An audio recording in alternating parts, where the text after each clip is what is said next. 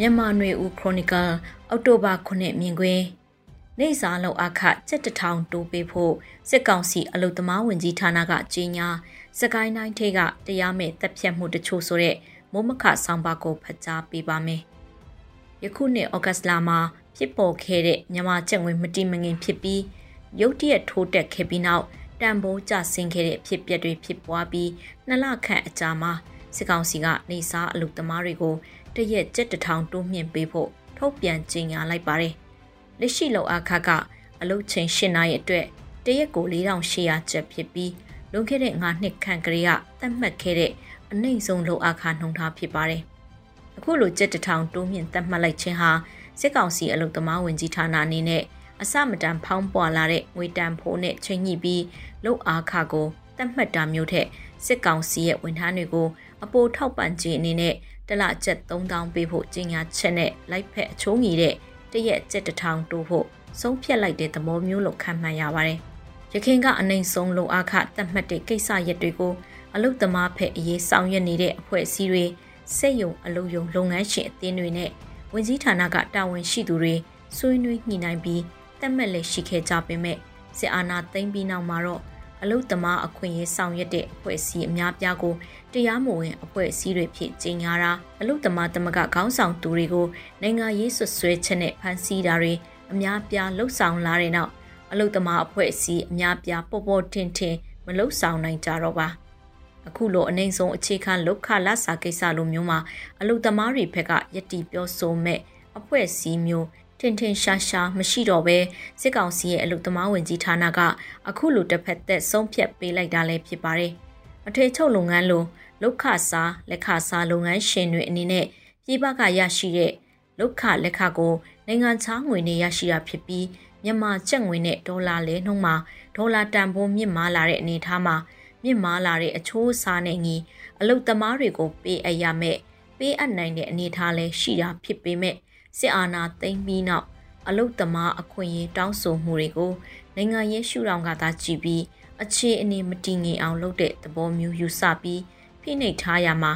အလုတ်သမားတွေအခွင့်အရေးဆုံးရှုံးနေကြရလဲဖြစ်ပါတယ်။ပြီးခဲ့တဲ့နှစ်လကျော်အတွင်းစန့်စည်းစီစဉ်နဲ့သွာလာစရိတ်ဈေးဝါးဈေးနှုန်းတွေ မတန်တဆမြင့်တက်လာတဲ့အကြောင်းသတင်းတွေထဲတိသာထင်ရှားစွာမြင့်တွေ့နေရတာဖြစ်ပြီးအောက်ဆုံးကနေစာလောက်ခစားစေယုံလုပ်ငန်းတွေကအလုပ်သမားတွေကအခုလုံငွေကြေးဖောင်းပွားပြီးလောက်ခလစာတိသာစွာတိုးမြင့်ခြင်းမရှိတဲ့တန်းကိုအစိုးရဆုံးခံစားနေကြရတာလည်းဖြစ်ပါတယ်။ခုရက်ပိုင်းမှာကုလသမဂ္ဂလက်အောက်ကနိုင်ငံတကာအလုပ်သမားအဖွဲ့ချုပ် ILO ကလည်းမြန်မာနိုင်ငံမှာအတမခိုင်းစေမှုအလုပ်သမားများလွတ်လပ်စွာဖွဲ့စည်းလှုပ်ဆောင်ခွင့်တွေကို ပိတ်ပင်တားဆီးတာတွေဥပဒေနဲ့တားမြစ်တာတွေတွေ့ရှိထားတဲ့အကြောင်းအစီရင်ခံစာထွက်ပေါ်လာပြီးစစ်ကောင်စီအစိုးရကိုဖြည့်ရှင်းဖို့ပေးပို့ထားတာလည်းဖြစ်ပါတယ်။ ILO ရဲ့အစီရင်ခံစာပါအခွင့်အရေးချိုးဖောက်မှုတွေနဲ့ပတ်သက်လို့နောက်3လအတွင်းစစ်ကောင်စီဘက်ကအကျိုးအကြောင်းနဲ့ဖြည့်ရှင်းရမှာလည်းဖြစ်ပါတယ်။အကယ်၍ဖြည့်ရှင်းခြင်းမရှိခဲ့ရင် ILO ကအခုကိစ္စကိုနိုင်ငံတကာရာဇဝတ်ခုံရုံး ICJ ကိုလွှဲပြောင်းပြီး ICJ မှာတက်ရောက်ဖြည့်ရှင်းရမှာလည်းဖြစ်ပါတယ်။ဒီနှစ်ဖို့အခြားသောအကြောင်းအရာတစ်ခုကတော့ခင်ဦးမြို့နယ်ထဲမှာစစ်ကောင်စီရဲ့ဝန်ထမ်းနဲ့ပြူစောထီးလို့ယူဆရသူခုနှစ်ဦးကိုခင်ဦးမြို့နယ်ထဲမှာလှုပ်ရှားနေတဲ့ PDF အဖွဲ့တွေကခင်ဦးနဲ့ခုနှစ်မိုင်မြတာအကွာဝဲရှိတဲ့ပြင်ဟောင်ကျေးရွာအနီးဖမ်းဆီးပြီးနောက်မကြခင်လက်ပြန်ကျိုးတုပ်ပြီးတပ်ဖြတ်ကမြေကျင်းထဲမြုပ်နှံခဲ့တဲ့သတင်းပဲဖြစ်ပါတယ်။ ကျိုးတုပ်ဖမ်းဆီးထားတဲ့လူခဏဦးကိုတပ်ဖြတ်နေတဲ့ဗီဒီယိုဖိုင်ကမကြသေးခင်ရက်ပိုင်းတွင်ထွက်ပေါ်ခဲ့တာဖြစ်ပြီးအခုလိုတက်ဖြတ်မှုကိုရောင်နီပြည်သူ့ကာကွယ်တပ်ဖွဲ့ကလှုပ်ဆောင်နာလို့ BBC မြန်မာပိုင်းရဲ့သတင်းဖော်ပြမှုရသိရှိရပါတယ်။ပြည်ထောင်ရွာဟာစစ်ကောင်စီဘက်ကိုထောက်ခံတဲ့ပြူစောထီးတွေထိန်ချုပ်ထားတဲ့ရွာဖြစ်ပြီးအဆိုပါရွာကနေအခြားတရွာကိုတွားဖို့ထွက်လာတဲ့သူတွေကိုရောင်နီ PDF အဖွဲ့ကဖမ်းဆီးပြီး တွေးကြွေးကလေးစားချေတဲ့သဘောနဲ့တက်ဖြတ်လိုက်တာဖြစ်တယ်လို့လည်းသတင်းဖော်ပြမှုမှာပါရှိတာဖြစ်ပါတယ်။ရောင်နီပျောက်ကြား PDF အဖွဲ့ဟာအမျိုးသားညီညွတ်ရေးအစိုးရရဲ့ကာကွယ်ဝင်ကြီးဌာနလက်အောက်ကလက်နက်ကင်အဖွဲ့တပွဲလို့ BBC သတင်းထဲမှာဖော်ပြထားပြီးခေဦးမြို့နယ်တွေကကန်တစ်ရွာသားတွေနဲ့ဖွဲ့စည်းထားတဲ့အဖွဲ့တစ်ဖွဲ့ဖြစ်တယ်လို့လည်းဖော်ပြထားပါတယ်။ဒီအဖွဲ့ဟာ NUG ရဲ့ကာကွယ်ဝင်ကြီးဌာနလက်အောက်ခံအဖွဲ့တစ်ဖွဲ့ဖြစ်ပေမဲ့တရားဥပဒေနဲ့အညီ အရေးယူတာမျိုးမဟုတ်ပဲအခုလိုကလေးစားချေတက်ဖြတ်မှုကိုမလုပ်ဆောင်မီအယူကြီးရဲ့ကာကွယ်ဝင်ကြီးဌာနကအမိန့်ပေးမှုအစဉ်စဉ်ကိုအတိပေးတင်ပြတာမျိုးမရှိခဲ့ဘူးလို့လည်းသတင်းမှာဖော်ပြထားတာတွေ့ရပါတယ်။ကလေးစားချေတက်ဖြတ်ခံရသူ9ဦးဟာဘယ်သူတွေလဲဆိုတာတော့တိတိကျကျမသိရှိသေးတော့လဲဗီဒီယိုဖိုင်အရထွေထွေအုပ်ချုပ်ရေးဌာနကဒုဦးစီးမှုတူပါဝင်တယ်လို့ဆိုပါတယ်။ စစ်ကောင်စီတပ်တွေရဲ့ရက်ဆက်တဲ့တပ်ဖြတ်မှုတွေတစားခံဖမ်းဆီးမှုတွေစစ်ကြောရေးမှလက်လွန်သေးဆုံးမှုတွေနဲ့မနှိုင်းရှင်လောက်တဲ့အရေးအတွက်ဖြစ်ပေမဲ့လို့အခုလိုအရက်ဖက်ဝင်ထားပါဝင်လူခဏဥကိုတပ်ဖြတ်ကမြုံနှံလိုက်ခြင်းဟာအရေးသွေးပိုင်းအရာတနည်းဆိုရရင်မူဝါဒပိုင်းအရနိုင်ငံတကာစီမင်းစည်းကဥပဒေတွေကိုလေးစားလိုက်နာနေပါတယ်လို့ပြောလို့မရတဲ့လူခွင့်ရရှူတောင်းကကြည်ခဲ့ရင်လဲရုပ်ဆိုးတဲ့ဖြစ်ရတစ်ခုတစ်ပွဲဖြစ်နေမှာဖြစ်ပါတယ် 2021ခုနှစ်ကခင်ယူထိတ်ချုံနေပြီဖြစ်တဲ့မြဝတီခရိုင်မှာ KNDO လက်နက်ကင်အဖွဲ့ကစစ်ကောင်စီဝင်ကြီးဌာနလက်အောက်က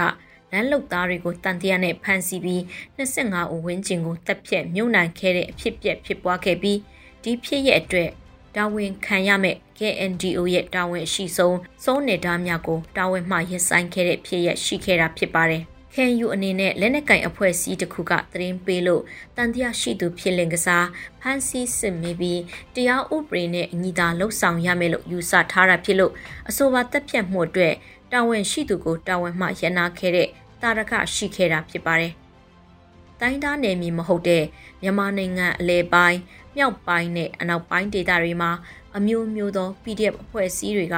အခါအားလျော်စွာတ န်တရားနဲ့ဖမ်းဆီးတပ်ဖြတ်မှုတွေဖြစ်ပွားနေခဲ့တာဖြစ်ပြီးအချို့သောဖြစ်ရပ်တွေမှာအမျိုးသမီးတွေအသက်အရွယ်ကြီးရင်သူနဲ့အရွယ်မရောက်သေးတဲ့ကလေးသူငယ်တွေကိုပါတပ်ဖြတ်တဲ့ဖြစ်ရပ်တွေဖြစ်ပွားခဲ့တာဖြစ်ပြီးအဆိုပါအကြောင်းအရာတွေနဲ့ပတ်သက်လို့သတင်းဌာနအချို့ကဖော်ပြထားကြတာလည်းဖြစ်ပါတယ်။စောနယ်မှာကျူးလွန်တဲ့မိသားစုနဲ့၎င်းမိသားစုအင်ကိုလာလေတဲ့ဧည့်သည်အပါဝင်6ဦးခန့်ကိုတပ်ဖြတ်မှု ချောင်းဦးမြို့နယ်တဲကကျေးရွာတီရွာမှာပစ္စည်းအတိုးဆကောက်တဲ့အရွယ်မရောက်သေးတဲ့မိန်းကလေးယောက်ျားလေး9ဦးကိုသတင်းပေးလို့တန်တရားနဲ့အတမပြုတ်ကျင့်တပ်ဖြတ်ပြီးအလောင်းဖြောက်ခဲ့တဲ့ဖြစ်ရတဲ့သတင်းမီဒီယာထဲဖော်ပြခြင်းမပြုတ်နိုင်တဲ့အခြားသောတဦးဆနှုံးဆတပ်ဖြတ်ခံရမှုတွေရှိနေရလဲဖြစ်ပါတယ်စစ်ကောင်စီရဲ့တပ်တွေကျူးလွန်တဲ့တပ်ဖြတ်မှုတွေစစ်ရာဇဝတ်မှုတွေဟာဖျောက်ဖျက်ပစ်လို့မရသည့်ဤတူလက်နက်ကင်အဖွဲ့တွေက